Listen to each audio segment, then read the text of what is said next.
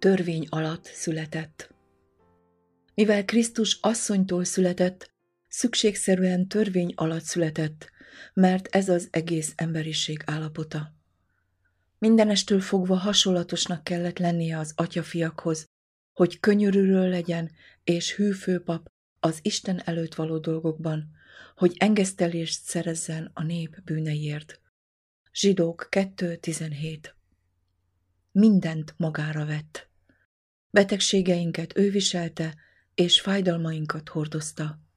Ézsaiás 53.4 Ő vette el a mi erőtlenségünket, és ő hordozta a mi betegségeinket.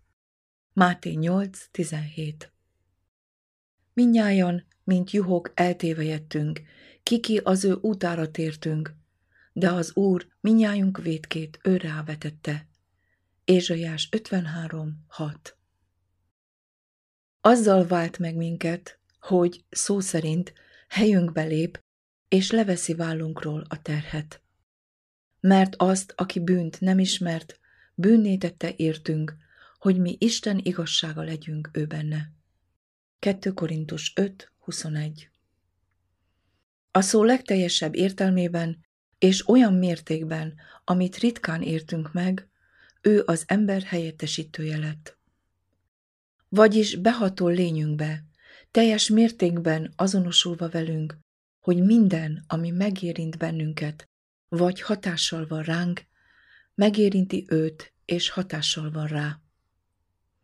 Ő nem a mi helyettesítőnk abban az értelemben, hogy egyik ember helyettesíti a másikat.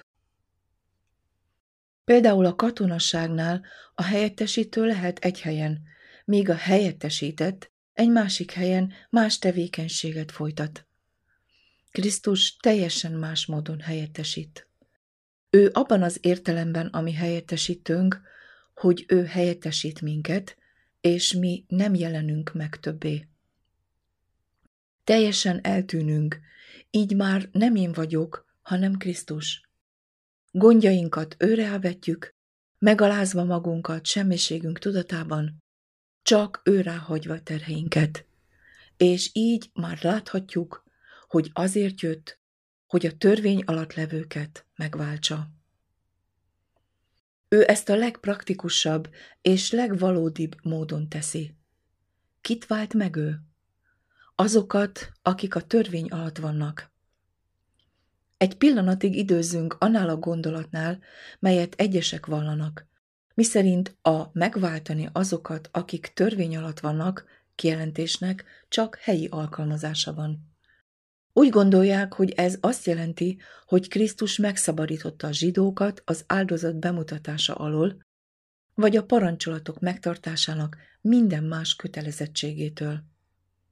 Nos, tegyük fel, hogy ez az állítás csak a zsidókra vonatkozik, különösen azokra, akik az első advent idején éltek.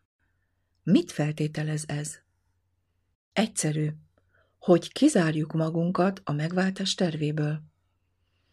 Ha csak a zsidók voltak a törvény alatt, akkor Jézus csak a zsidókat jött megváltani. Ó, de nem szeretünk kimaradni, ha a megváltásról van szó.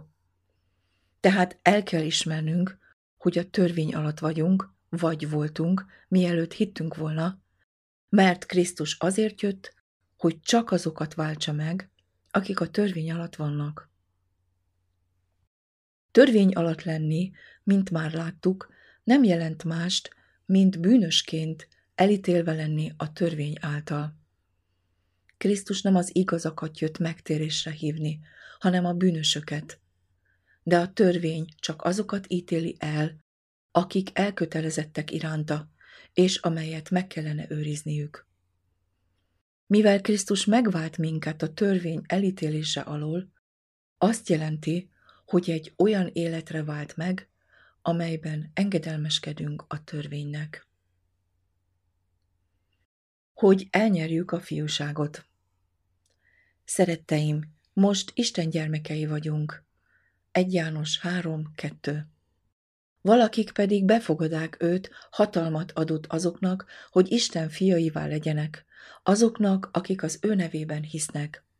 János evangéliuma 1.12 Ez az állapot egészen eltér a Galata negyedik rész harmadik versben leírtaktól. Gyermekek. Ebben az állapotban pártütő nép voltunk, hazug fiak, kik nem akarják hallani az Úr törvényét. Ézsaiás 30, 9. vers. Azáltal, hogy hiszünk Jézusban, és elnyerjük a fiúságot, olyanok vagyunk, mint engedelmes gyermekek, nem szabvá magunkat a mi előbbi kívánságainkhoz, amelyek tudatlanság miatt voltak bennünk. 1 Péter 1.14 Krisztus azt mondta, hogy teljesítsem a te akaratodat, ezt kedvelem én, Istenem. A te törvényed keblem közepette van. Zsoltár 40. rész, 8. vers.